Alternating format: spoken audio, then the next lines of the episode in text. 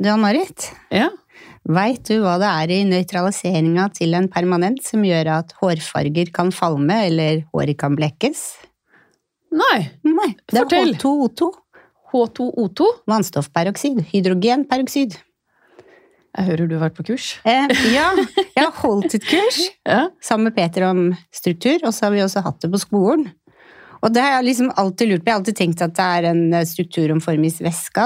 Ja. For det, det er eh, noe som heter ti, tioglysolatsyre. Jeg har tenkt at det er den som blekker. Ja. Men så var det ikke det. Det var vannstoffperoksid. Og jeg må helt ærlig innrømme å si at det er sånn skolekjemi som jeg helt har glemt. Jeg har ikke tenkt på at det er i eh, nøytraliseringa i det hele tatt.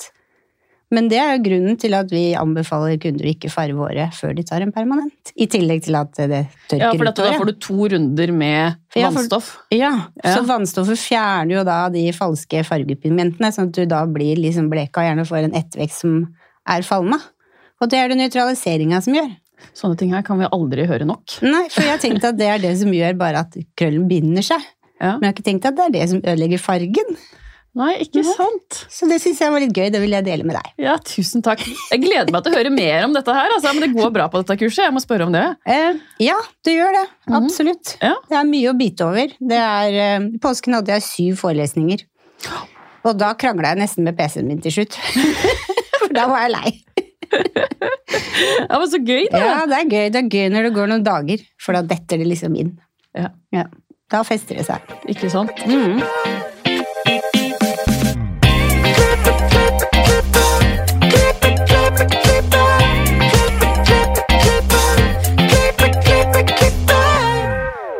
Velkommen til Hårpodden. Jeg heter Ann-Marit. Jeg heter Renate. Ja, Hvordan har din uke vært? Jo, min uke har vært, akkurat som jeg sa, det har vært mye forelesninger.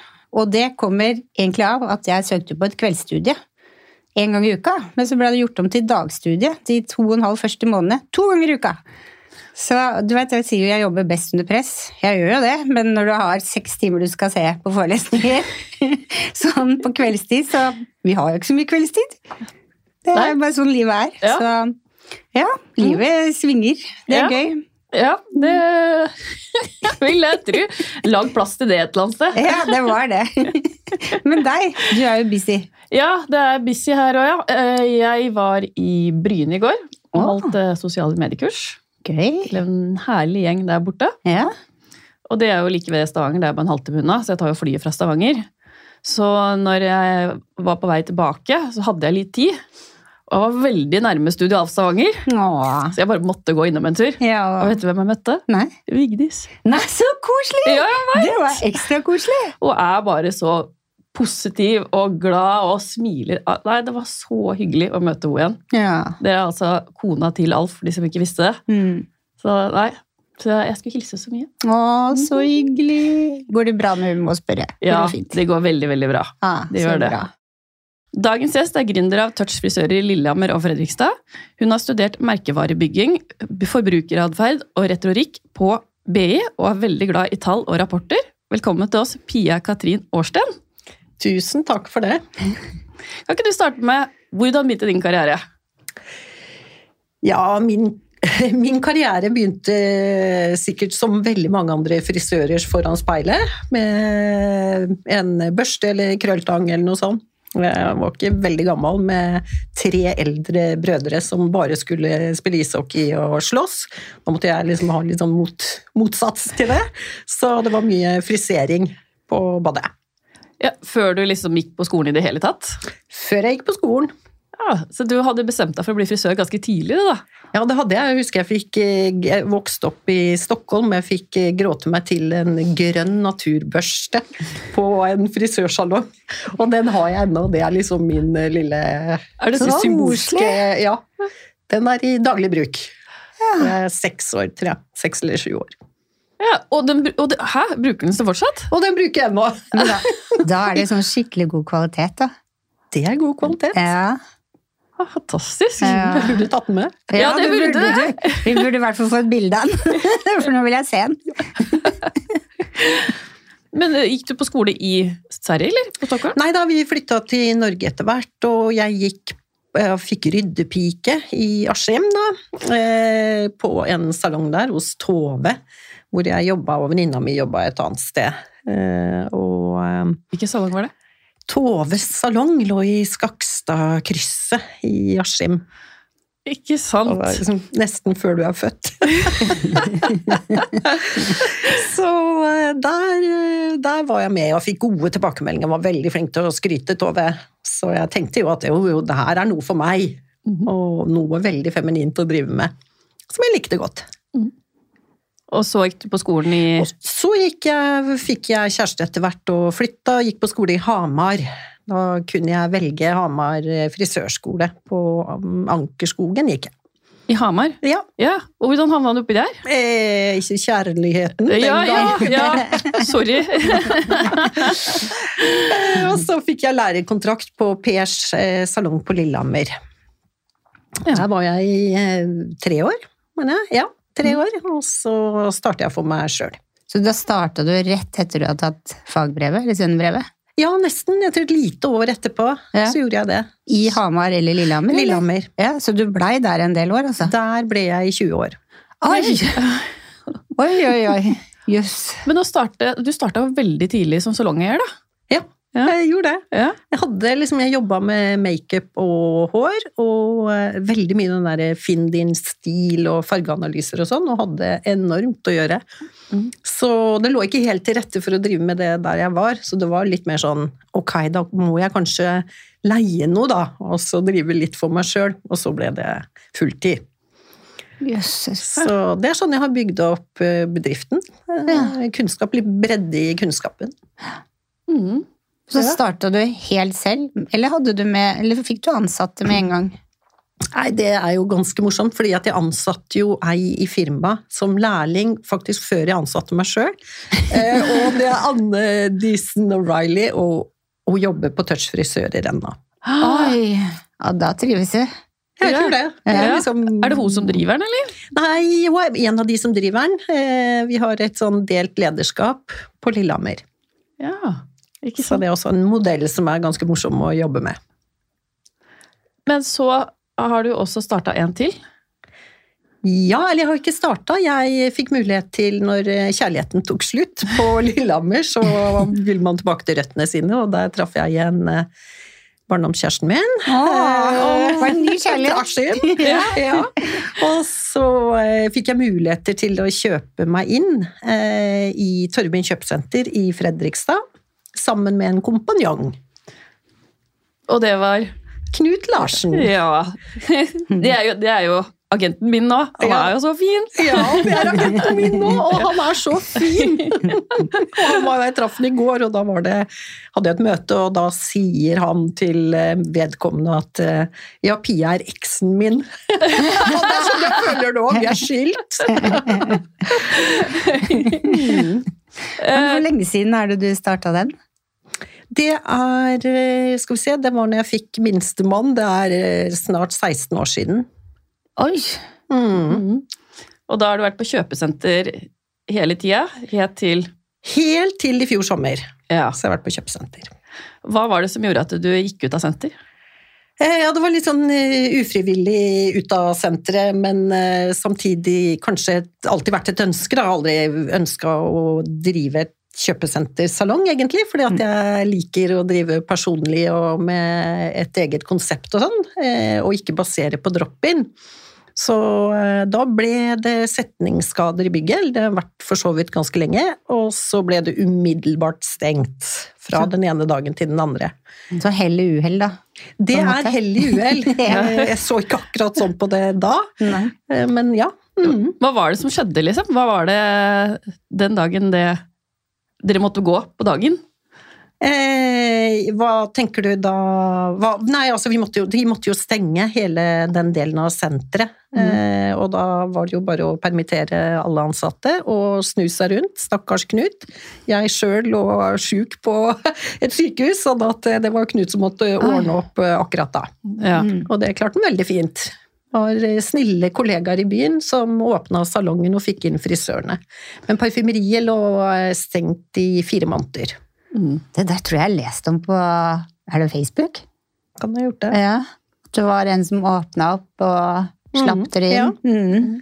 Ja. Faktisk. Det sto et, Therese Hoff. ja, det sto Ja, et innlegg om det. Ja, da, og det var flere som tilbød seg det, så det var jo fantastisk. Det er sånn kollegialt eh, som viser hvordan frisører er. Mm. Ja. Så da fikk vi låne lokaler i en måneds tid. Og så fikk vi leid et midlertidig lokale til frisørene, for det er liksom den viktigste kundegruppa å ta vare på, er jo frisørkundene. Mm. Og så fikk vi et nytt lokale, Mm. som vi åpna i 1. november. Mm. Og da hadde du jo åpningsfest som jeg fikk lov å være med på. Ja, Ja, Dette kan du, kjente jeg. ja, ja det var moro. Helt utrolig hvor mye dere fikk gjort på så kort tid. Ja. Ja. Det var mye takket være dere, å slippe å tenke på visning og sånne ting oppi mat og drikke og underholdning. Mm. Så det var en pangfest, da feira vi mye. ja. Kan jeg spørre om noe? Knut, er han agent for Joiko? Ja, eller tendens. Tendens, ja. Ja. Ja, men Da ser man egentlig hvor viktig sånn nettverksbygging er. Altså bygging, For Therese er jo også tendenskunde og joiko. Ja. ikke sant? ja, stemmer. Ja. Ja. Det er viktig å ha gode De- kontakter og pleie de bra. Det er helt riktig, og jeg hadde jo aldri vært der jeg er i dag hvis ikke Geir Pettersen hadde spurt meg om du, skal ikke du flytte til Fredrikstad? og han hadde en god kollega, Knut Larsen, som eh, kanskje jeg vil gjøre business med. Så det er også en agent eh, oppe på Lillehammer for eh, Tendens, som anbefalte meg det at skal du gjøre noe, så gjør det med Knut. Så det var hyggelig. Fantastisk. Ja, jeg snakka med han senest i dag tidlig, for da mangla jeg noe til et show som vi skal ha i Askim i morgen. Så bare Du, går det an å få varer fra en dag til en annen, eller er jeg for seint ute? Det ordna seg, det. Jeg Ja. håper det ordner seg, i hvert fall. Ja, ja, ellers så kjører han og henter og. Ja, det òg. Nei da, Tendens er bra der. Veldig enig. Eh, hva er konseptet ditt? Konseptet mitt er at jeg driver to konsept. Eh, Det ene på Lillehammer, som er vel etablert eh, i ja, kanskje 30 ja, så mange år nå at jeg har slutta å telle, men 32 år. eh, 33, tror jeg, i år. Eh, Med godt erfarne frisører. Eh, Det er, lurer på om det er eh, 13 ansatte der. Eh, Tror jeg en snitt eh, fartstid på 30 år av eh, de som jobber der nå. Kjempehøy eh, kompetanse. Eh, Så den er godt innarbeida. Det var jo den jeg starta da, den gangen. Og um, veldig flotte mennesker, gode frisører som elsker faget, lidenskapet, og det er liksom grunnlaget uh, der. Mm. Så Touch i, i Lillehammer og Fredrikstad er egentlig to forskjellige, selv om de har samme navn? Ja. Ja. Så hva er Fredrikstad sitt konsept? Nei, det ble jo brått eh, lagd i fjor sommer, fordi fra å drive på et kjøpesenter, så skal du ut av byen og etablere deg i en ikke-trafikkert eh, gate, annet enn biltrafikk, litt eh, forbigående. Så da må du bygge relasjoner på en annen måte. Konseptet der er jo de historiske lokalene vi er i, sånn at jeg tror veldig mange som kommer til oss liker at det er estetisk eh, vakkert. Eh, at det er en helhet, at du også der har et parfymeri hvor du får handla, og eh, mennesker som trives, og mye som skjer. Er, eh, konseptet som er felles for begge, er vel det at jeg alltid har gjort event. Konserter, foredrag, forestillinger, whatever. Visninger. Med, og det får jeg mulighet til nå i Fredrikstad, som jeg ikke har hatt før. Så eh, det bygger vi videre på. Ja, for der er det en liten scene også. Der er det en liten scene! Ja. Der har du nesten stått oppå. Du har for så vidt Jeg preppa litt der.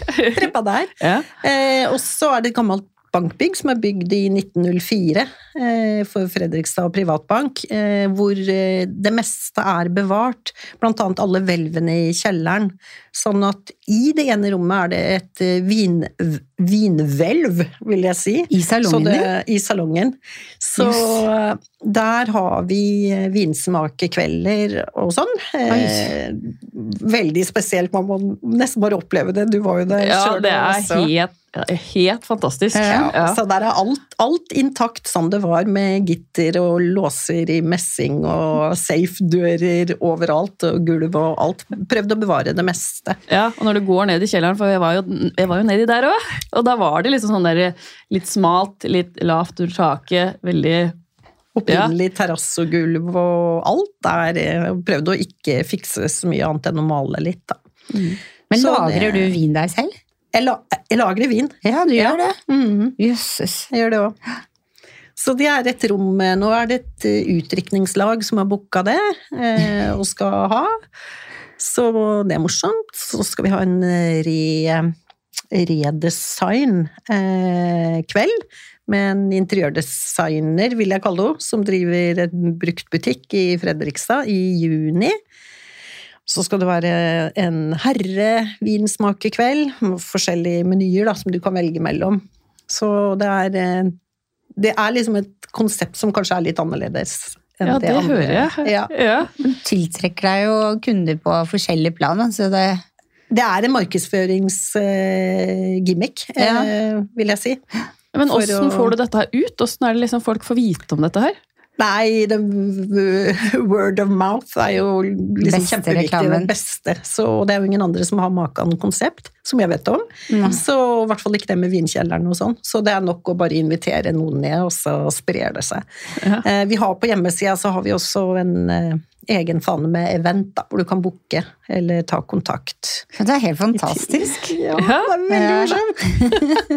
Og så fikk dere med dere alle kundene også, sikkert? Ja, jeg tror eh, veldig mange på frisør. Noen nye og noen eh, som ikke kommer, som kanskje har droppa innom nettopp fordi det har vært på et kjøpesenter.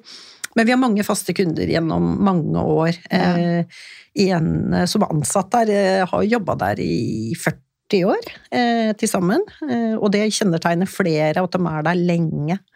Mm. Lang, lang tid. Ja. Godt eh, miljø. Ja, det er viktig. Så ja.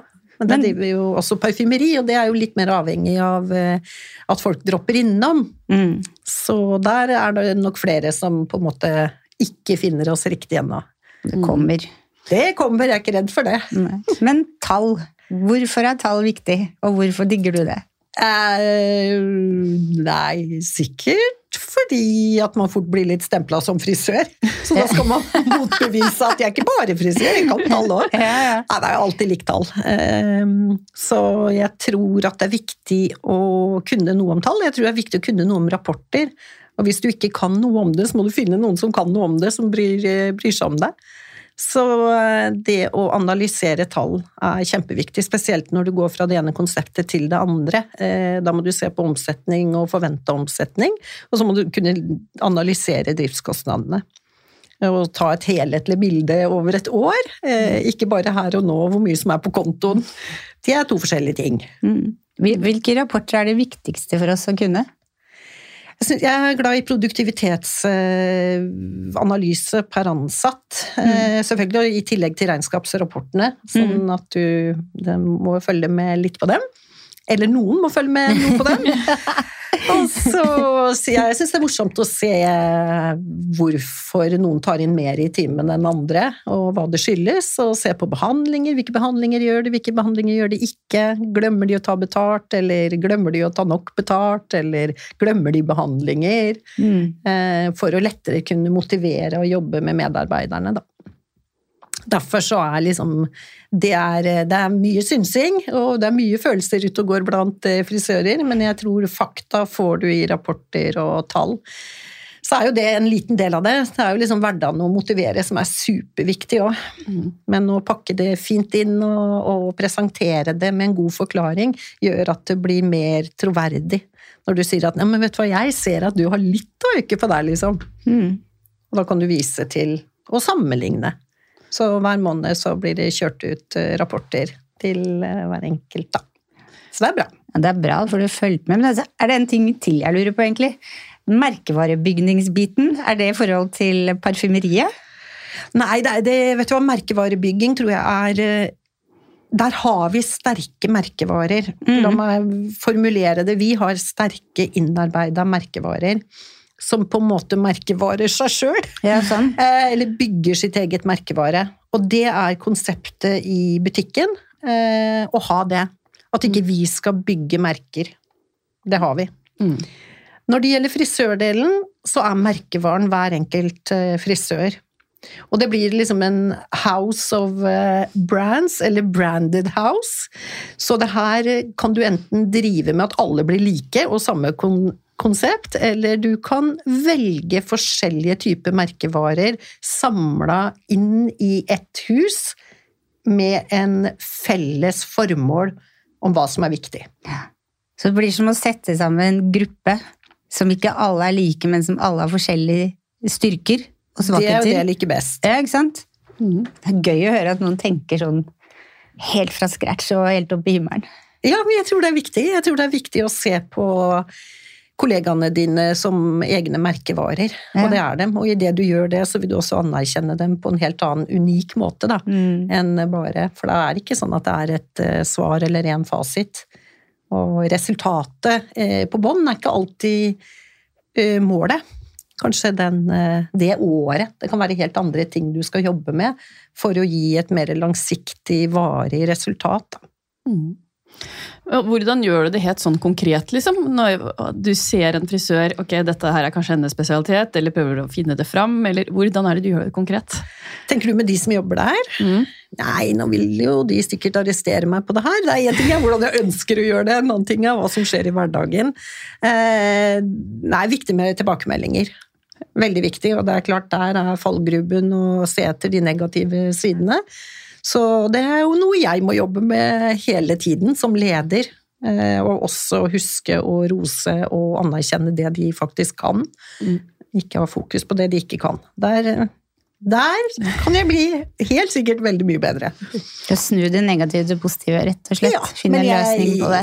Ja, jeg tror det er viktig, men jeg Mm. tror også det er viktig å vite hva man kunne gjort annerledes. Mm. For å trives bedre og for å ha utvikling. Jeg tror ikke man skal være redd for det som leder. Eh, og det er kanskje en av styrkene mine, at ikke jeg er redd. redd. Mhm. Jeg er ikke redd. Ja, rett og slett. Rett og slett. Jeg tror liksom en eh, grei innpakning i en god samtale, så kan man komme fram til en felles løsning, da. Mm. Eller utvikling. Så det er, det er viktig. Tilbake litt til dette med tall. Du, du har sikkert sett tall på flere frisører opp igjennom. Hva er det du liksom ser er liksom våre eh, svakheter som frisører? Hva kan vi frisører bli bedre på? Jeg har lyst til å si noe. Jeg ser veldig ofte det derre easy come, easy go-begrepet. Mm. At de som liksom kommer raskt opp til himmelen, er ikke nødvendigvis de som blir der.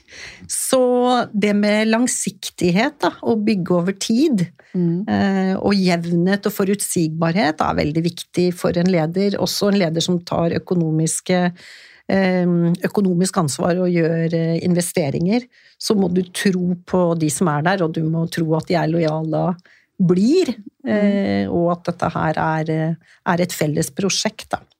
Så hva jeg tror kanskje frisører kan bli enda bedre på, tenker du? Ja. For å øke lønna si, for eksempel. ja. Ja. Jeg tror å være flink og se litt på sine egne tall, sine Ja. egne behandlinger. Eh, ta litt, eh, Sette seg små mål, ikke nødvendigvis et pengemål, men eh, heller at det går på enkeltbehandlinger. At nei, vet du hva, der ser jeg at jeg har litt å hente, og kanskje søke litt råd blant kollegaer, og anerkjenne da, de som er gode på det. At der er du flink. Her skulle jeg gjerne blitt litt flinkere, har du lyst til å vise meg, liksom. Mm. Ja. Det tror jeg kanskje er et godt råd. ja. Mm. At jeg, Ja. jeg har hørt ganske mange ganger opp gjennom tida frisør, enkelte frisører si at jeg ble ikke frisør for å gjøre penger. Og da tenker jeg hm, men kunden går jo faktisk for å få den hjelpa de vil ha, og da er det jo veldig dumt å tenke at skal bli fortest mulig ferdig, og du anbefaler ikke ting fordi du vil ikke selv, eller Spør ikke ikke til kur, mase, og eller- det er ikke av pengene jeg gjør det her. For kunden fortjener det jo. De er jo villige til å betale for å se bra ut. Ja, og det tror jeg du har helt rett i. Jeg tror eh, kanskje mange frisører har litt eh, for mye fokus på hvorfor de er der eh, som frisør, og glemmer egentlig hva kunden vil ha. For man vil jo ha alt. Man vil, først og fremst så vil man jo ha oppmerksomhet. Absolutt. Jeg vil vite alt som er bra for meg, liksom. Uansett om det er produktet jeg har hatt 100 år og jeg bruker det og det, så vil jeg at eh, du og du skal fortelle meg at nei, vet du hva, jeg syns heller du skal prøve det, eller gjøre sånn, eller hvorfor gjør du ikke sånn, eller Pia, hvorfor tar du ikke ut den hårspenna i håret og heller klippe luggen litt annerledes? Jeg vil jo høre det, selv om jeg kan det. Og så jeg tror det å sette seg inn i kunden sitt ståsted virkelig gå inn og være kunde av og til, er utrolig viktig. Jeg har aldri, det er liksom favorittuttrykket mitt, men jeg har aldri møtt noen som ikke smiler når hun går ut med tre poser med klær eller varer, eller Alle er fornøyd da. Ja. Og Jeg har bare sett menn som griner når du kommer hjem med det. Ja, det er! Ja. Tørker av seg fliret før hun går inn døra. Gjemmer det og sier du har hatt det lenge. Nei, altså, jeg, jeg tror det du får aldri gitt nok til kunden av råd og veiledning. Mm. Det handler det jo om. Veldig enig. men, eh, men jeg tror også at det er noen som er ute etter å få dekka et praktisk behov, og klippe lugg og det lange som stikker ut når de har på briller og sånn, og har respekt for det, da. Mm. Men eh, de fleste vil ha oppmerksomhet. Det er i hvert fall helt sikkert. Det jo... Det, det vil vi alle. Det vil vi alle. Ja. Ja. Parfymeri, hva var det som gjorde at eh, du eh, gikk inn og ville ha det i salongen din? Nei, det var jo et konsept eh, som Knut og jeg kjøpte sammen, allerede drevet og godt innarbeida, som vi fortsatte med. Så det var jo også noe man skulle ta stilling til når man plutselig skulle ut av lokaler eh, og inn i nye, som ikke ligger på et kjøpesenter og ikke i en gågate, om eh, man skal ta med videre. Mm. Men jeg ser at det er litt sånn trenden. Eh, Jeg tror på fagkompetanse. Jeg tror at skal du overleve i dag, så er du nødt til å synliggjøre fag og sterke merkevarer. Det har med troverdighet. Du er nødt til å forbinde deg, hekte deg på de gode, sterke leverandørene. Det er tryggheten din. Det er det du liksom hviler på. Og da tror jeg det er fint å kunne tilby det. Å ha et helhetlig konsept hvor du kanskje binder det, de to avdelingene sammen med en kundeklubb. Kan være en stor fordel. Så er det moro, da. Det er jo trekkplaster og artig og masse som skjer i parfymebransjen. Ja. Med duft og makeup, og det er liksom kurser og nytt, og det blir bytta ut hele tida. Og er veldig gøy. Bruker de ansatte lønna si i parfymeriet? Ja. Det, for det kjenner jeg jeg hadde gjort Ja. fort. Det er noen som bruker ganske mye. Det er det. Men det er viktig, og det, det er fint. Hvilke merker har du i parfyme? Parfymeriet? Eh, ja, på makeup på hud så har vi Chanel, Shiseido um, Estée Lauder, Klinikk, Lancôme. Ja, nå glemmer jeg jo sikkert noe ja, helt Chanel, liksom. tror. Ja. Ja. Chanel er det absolutt største merket vårt, Så der har vi en fantastisk medarbeider som driver parfymeriet, som er Chanel-spesialist. Elena, hun er en sånn special trainee, så jeg vet til og med selgerne for Chanel ringer Elena hvis de lurer på noe. Hun bare uh, Living the brand. Har dere parfymene til Chanel òg? Ja. Har du fått besøkt der hvor de lager parfymene? Nei. Nei. Ikke jeg i hvert fall. Mulig Nei. Helene har det, jeg har ikke Ja. spurt om. Men uh, ja. Hvor har det er egne sterkt. personer som, sitter, som er i parfymeriet? Det er ikke frisørene som løper Nei. fram og tilbake? Nei, det er det ikke. Nei. Det tror jeg også er viktig. Mm. At du skal vite hva du selger, og kunne det. Mm. Det er et eget fag. Mm. Vi har, um, vi har lærling i frisørfag og, og også salgsfaget. Så jeg sjøl tok et fagbrev i salgsfaget. Syns jeg var viktig å ha. Og kunne, kunne begrepene og forstå tankegangen i en forbrukeratferd. da. Så Jeg, jeg må bare spørre igjen, for noen, du har salong, du har parfymeri, og du har vinkjeller, og det er jo ingen ende på det. Hvor, er, hvor kommer det bare til deg, eller liksom popper det opp ideene, eller hvor finner du liksom Hvor Nei, jeg er du alt dette? Ja, nei, jeg er nok en kreativ sjel, tror jeg. Eh, Og jeg tror eh, å få lov til å være kreativ, da, når Ja. du en gang er frisør. Jeg har slutta å klippe hår, slutta å eh, ordne i det hele tatt. Og da var det en liten periode etter det hvor jeg var litt langt nede, og det fant jeg ut at det var jo det kreative som ble borte. Så å få lov til å være kreativ og se muligheter, da. Det, jeg tror- nok jeg er født litt sånn positiv og løsningsorientert. Litt over snittet løsningsorientert. Så det er morsomt. Jeg tenker at de ansatte syns det er gøy, og at det skjer litt, og at det blir snakka om. Og. Det er den beste bagasjen å ha med seg, da. Å være løsningsorientert. Ja. Du er litt sånn ja-menneske, hopper, i- hopper i ting, eller? Ja, det er nok det. Er kanskje litt korttenkt eh, på sånne ting, men eh, ja, jeg tenker at det, det Det blir enten en god historie, eller så blir Ja, det jeg er godt å høre. Det, Du sa jo i den, på åpningsfesten din i talen at eh, barna mine tror at vi har alt på stell. Ja, det kan, kan jo kanskje se litt sånn ut innimellom. Hva mente du med det når du sa det? Nei, det er jo Nei, det er jo ikke alltid at jeg husker å bake denne kaka og sånn, da, som skal leveres i barnehagen. Og tenker at eh, det Du er jo løsningsorientert, så du kan jo bare løpe mellom eh, fargen og kjøpe en kakebunn og en ferdig krem på boks. Og litt jordbær og sånn. Og det ordner seg. ordner seg ordner det på ti minutter, men eh, det er ikke noe god løsning, da, for den kaka rant ut av kjøleskapet når jeg skulle hente den. Så det ble litt boller i stedet. Så det jeg tror det er eh, Ja. Nei, jeg, jeg tenker jo at det går litt unna. For kreative mennesker kan jo ikke bare se på tida og planlegge dagene sine. Så jeg kjenner meg igjen. Ja, Det går litt hurra meg rundt. det går litt Men meg det ordner seg, da. Det var det verste som kan skje.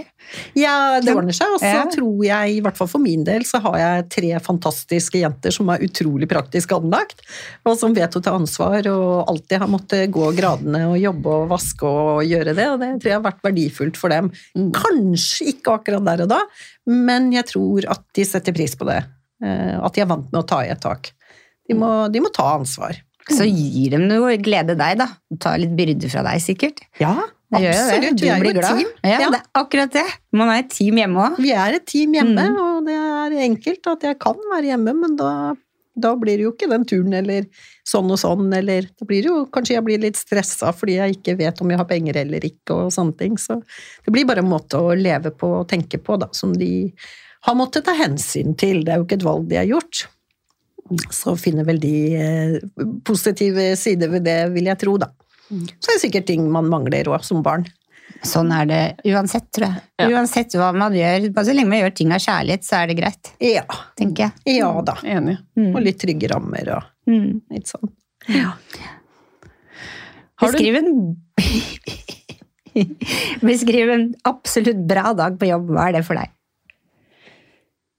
Eh, ja, hva er det for meg? Nei, det kan være mye. Jeg, det er stort sett hver dag er en god dag, eh, egentlig. En, jeg kan lettere å beskrive en dårlig dag. Det er å bare sitte ved PC-en.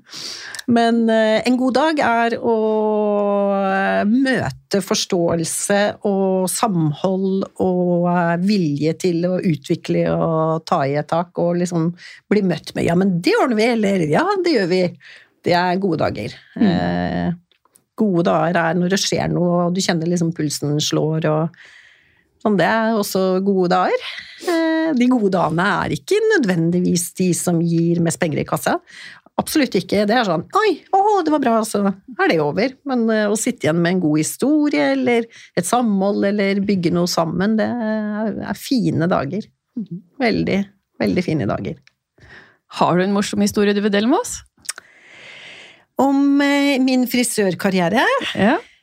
Eh, Jeg har en eh, morsom fra jeg starta fra meg sjøl, og det, var, det er klart jeg starta i veldig ung alder og hadde ikke særlig penger, eller hadde vel ikke penger, men jeg fikk nå et lite lån, da, og det skulle strekke veldig lenge, så jeg fant ut at jeg kjøper brukt utstyr.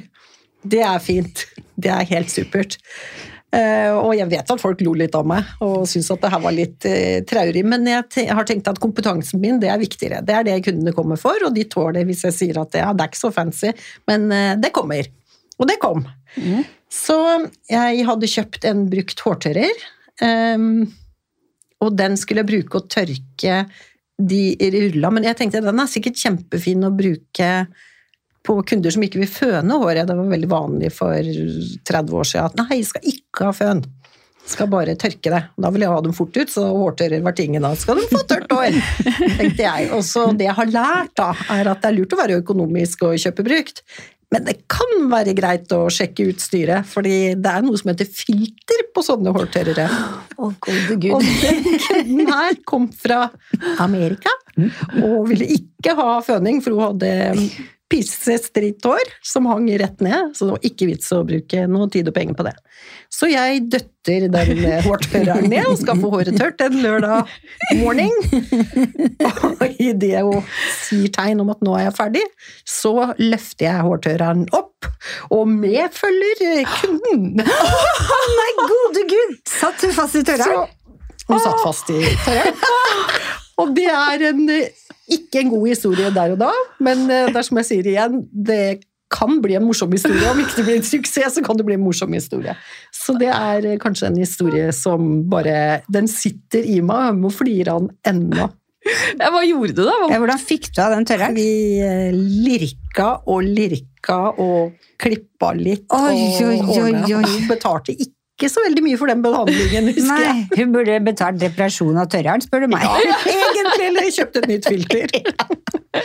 Nei, det er en morsom historie. Hva tror du skal til for å rekruttere flere inn i bransjen vår?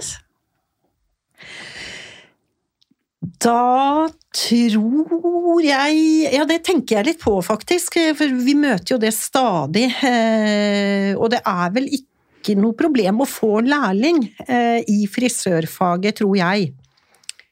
Problemet er forutsetningene for å bli frisør er ofte ikke til stede. Sånn at jeg tror eh, at vi skal ut av frisørbransjen og ned på et annet nivå eh, for å kunne løfte frem gode lærlinger og gode frisører.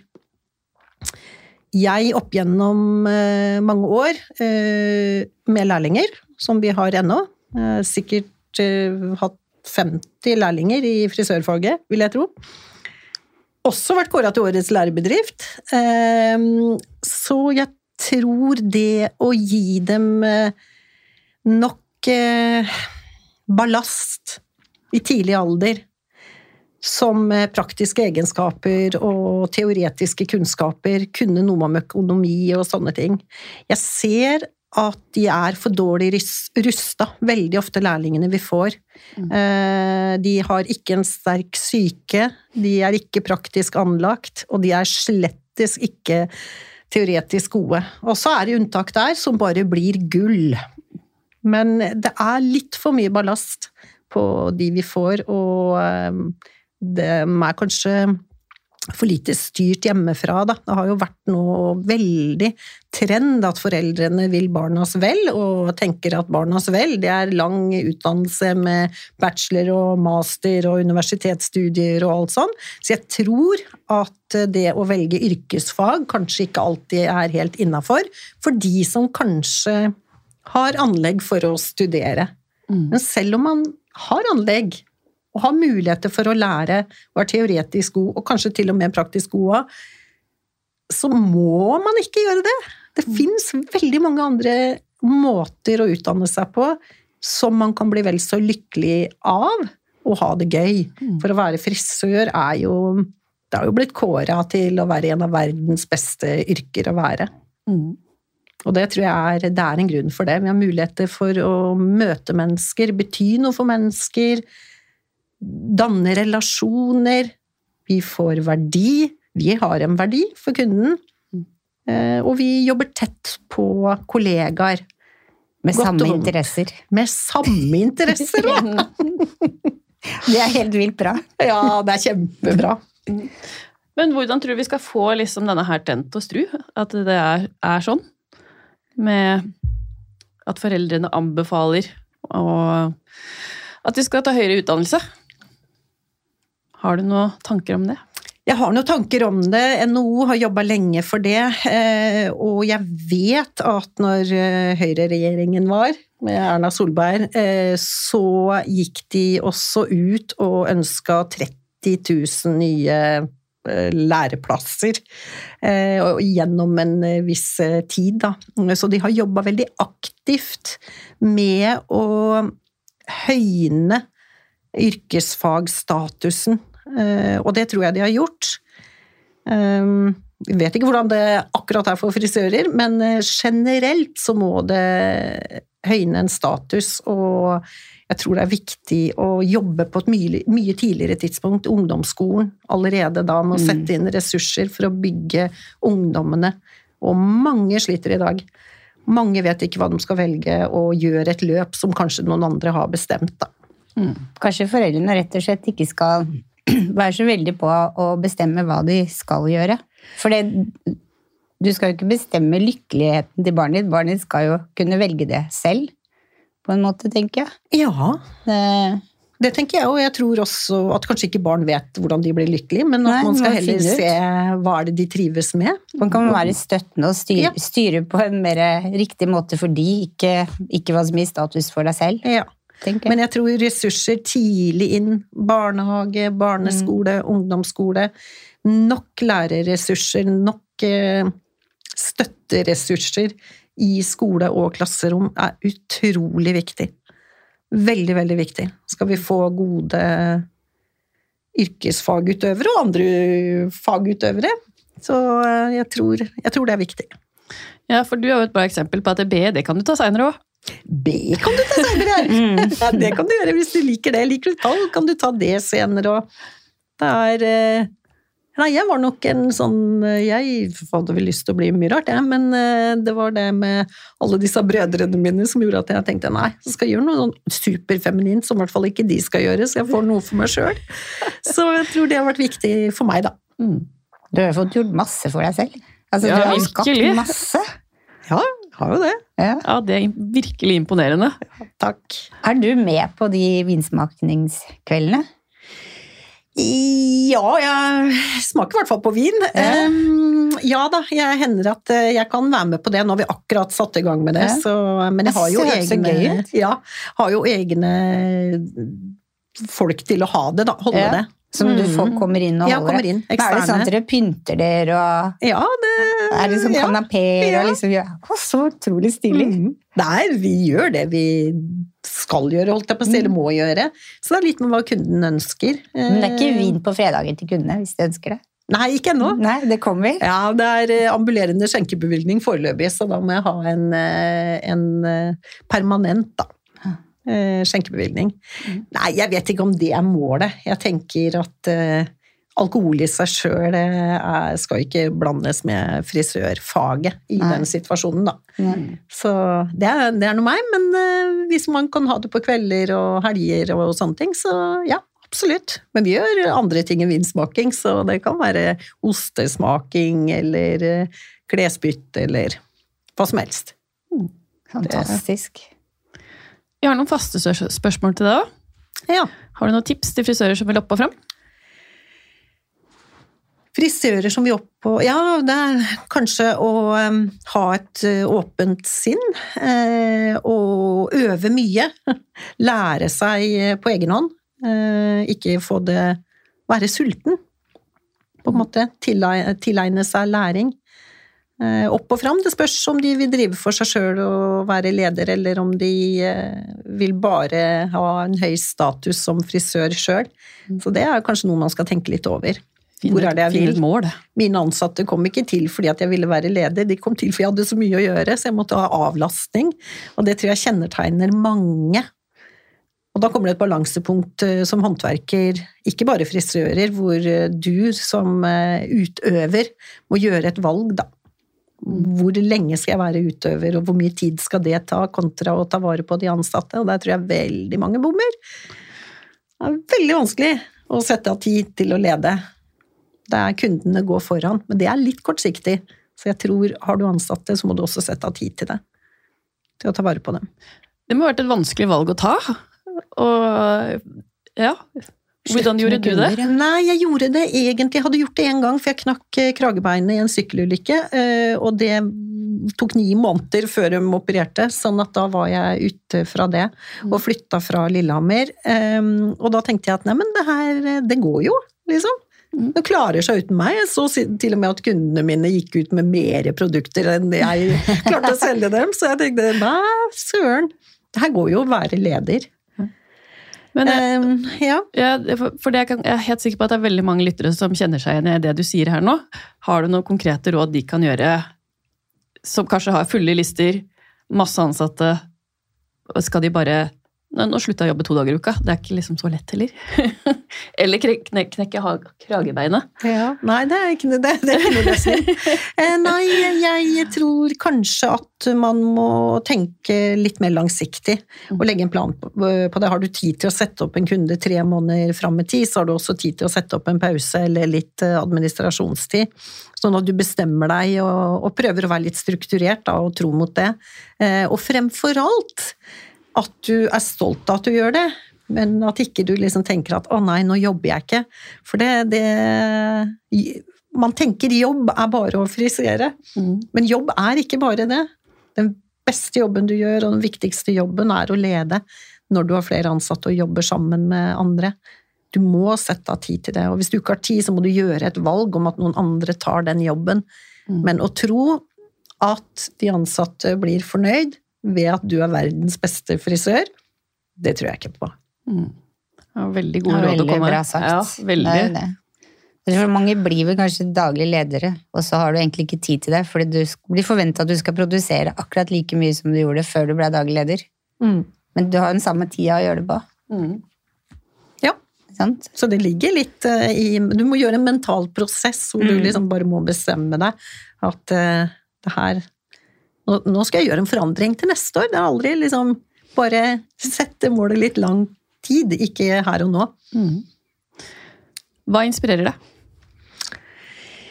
Nei, altså jeg er jo en eh, veldig kreativ person, sånn at jeg, jeg kan være inspirert bare av å gå ut av den parkeringsplassen i kjelleren på Akershus. eh, Hvordan det er organisert. Jeg blir inspirert av å gå på brygga eh, bort på rådhusplassen her. Jeg blir inspirert av å se hvordan kontoret her er bygd opp, og hvordan dere bruker hvor velstrukturert dere er. og jeg blir inspirert av de lydplatene på tenker at det var kjempekult å legge fløyel utapå, maken til gardinene, og det var enkelt, så det er ikke så vanskelig å bli inspirert. Det er jeg tror viktig bare å lære seg å ha et åpent sinn, kanskje, og se, og finne sånne synergier, da. Eh, Ja, og være glad i mennesker og farger og ja, bli inspirert hele tida. Og blir du inspirert, så blir du også kreativ og løsningsorientert, tror jeg. Du liksom ser Ser på ting. Fantastisk. Hvis du kunne forandret noe med frisørbransjen, hva skulle det vært? Hvis ja, med frisørbransjen Nei, da, da, da måtte jeg jo vært Jeg vet ikke hva jeg ville vært hvis jeg skulle forandra noe, så, men jeg tror Jeg tror det er viktig med samhold, og jeg tror det er viktig å hjelpe hverandre. eh, Å stå sammen og ha kanskje gode laug eller kollegaer som hjelper hverandre, og at ikke man er redd, at ikke man ser på hverandre som konkurrenter. At man kan liksom dele informasjon, og jeg syns det som skjedde i sommer i Fredrikstad var et veldig godt eksempel på det. Hvordan andre frisører åpner dørene. Eh, Jeg tror man ikke skal være skamfull og si at man er frisør i, eh, blant eh, herrene med høye hatter. Jeg tror man skal liksom bare tørre å stå i det, og være stolt av det. Så stolthet for faget tror jeg er utrolig viktig. Og glede, arbeidsglede, og legge til rette for å I hvert fall ledere lærer seg å legge til rette for den daglige situasjonen på hjemmebane. Mm. At har man ikke presser man sjøl for hardt, så, eller de ansatte for hardt, så er ikke det holdbart i lengden.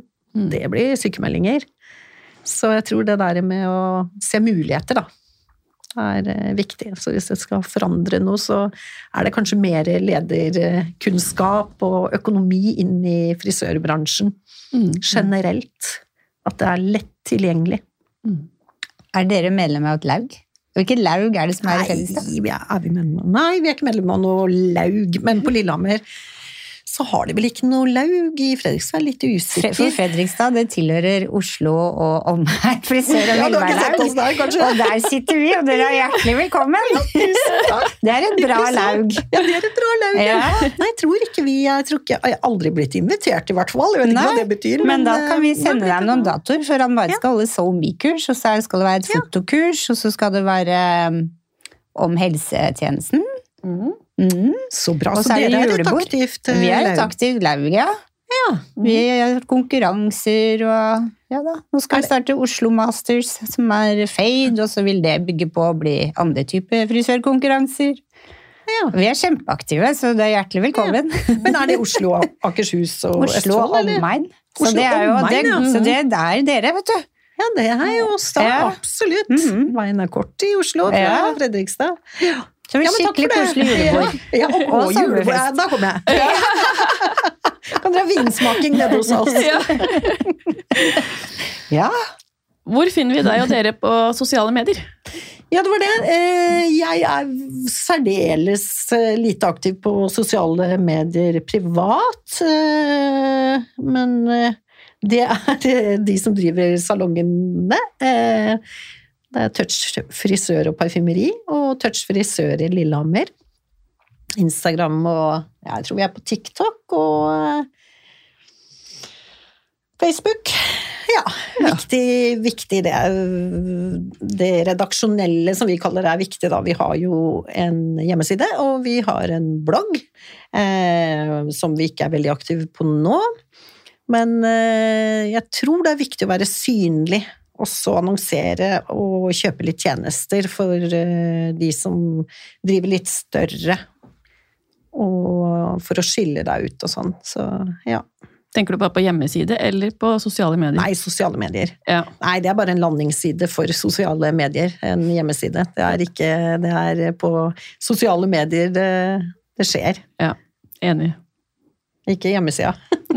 Det er bare en, bare en plattform hvor du kan lese litt mer hvis du vil det. Mm. Tusen, tusen takk, Pia, for at du ville komme og dele din fantastiske historie med oss. Det har vært kjempeinspirerende å høre på deg. tusen Ja, takk jeg for ble jeg- veldig inspirert nå. Ja, så bra. Tusen takk for at jeg fikk komme. Nå håper jeg bare ikke på den parkeringsbota på utsida her. Veldig moro. Dere er veldig flinke. Det er eh, flott å få lov til å være her. Og følg gjerne oss på sosiale medier. Facebook, Instagram og TikTok. Og så høres vi neste uke. For de som ikke veit det, så er vi ikke bare på iTunes, men vi er på Spotify og overalt hvor det høres på pod, så tune in. Og så høres vi neste uke. Ha det bra!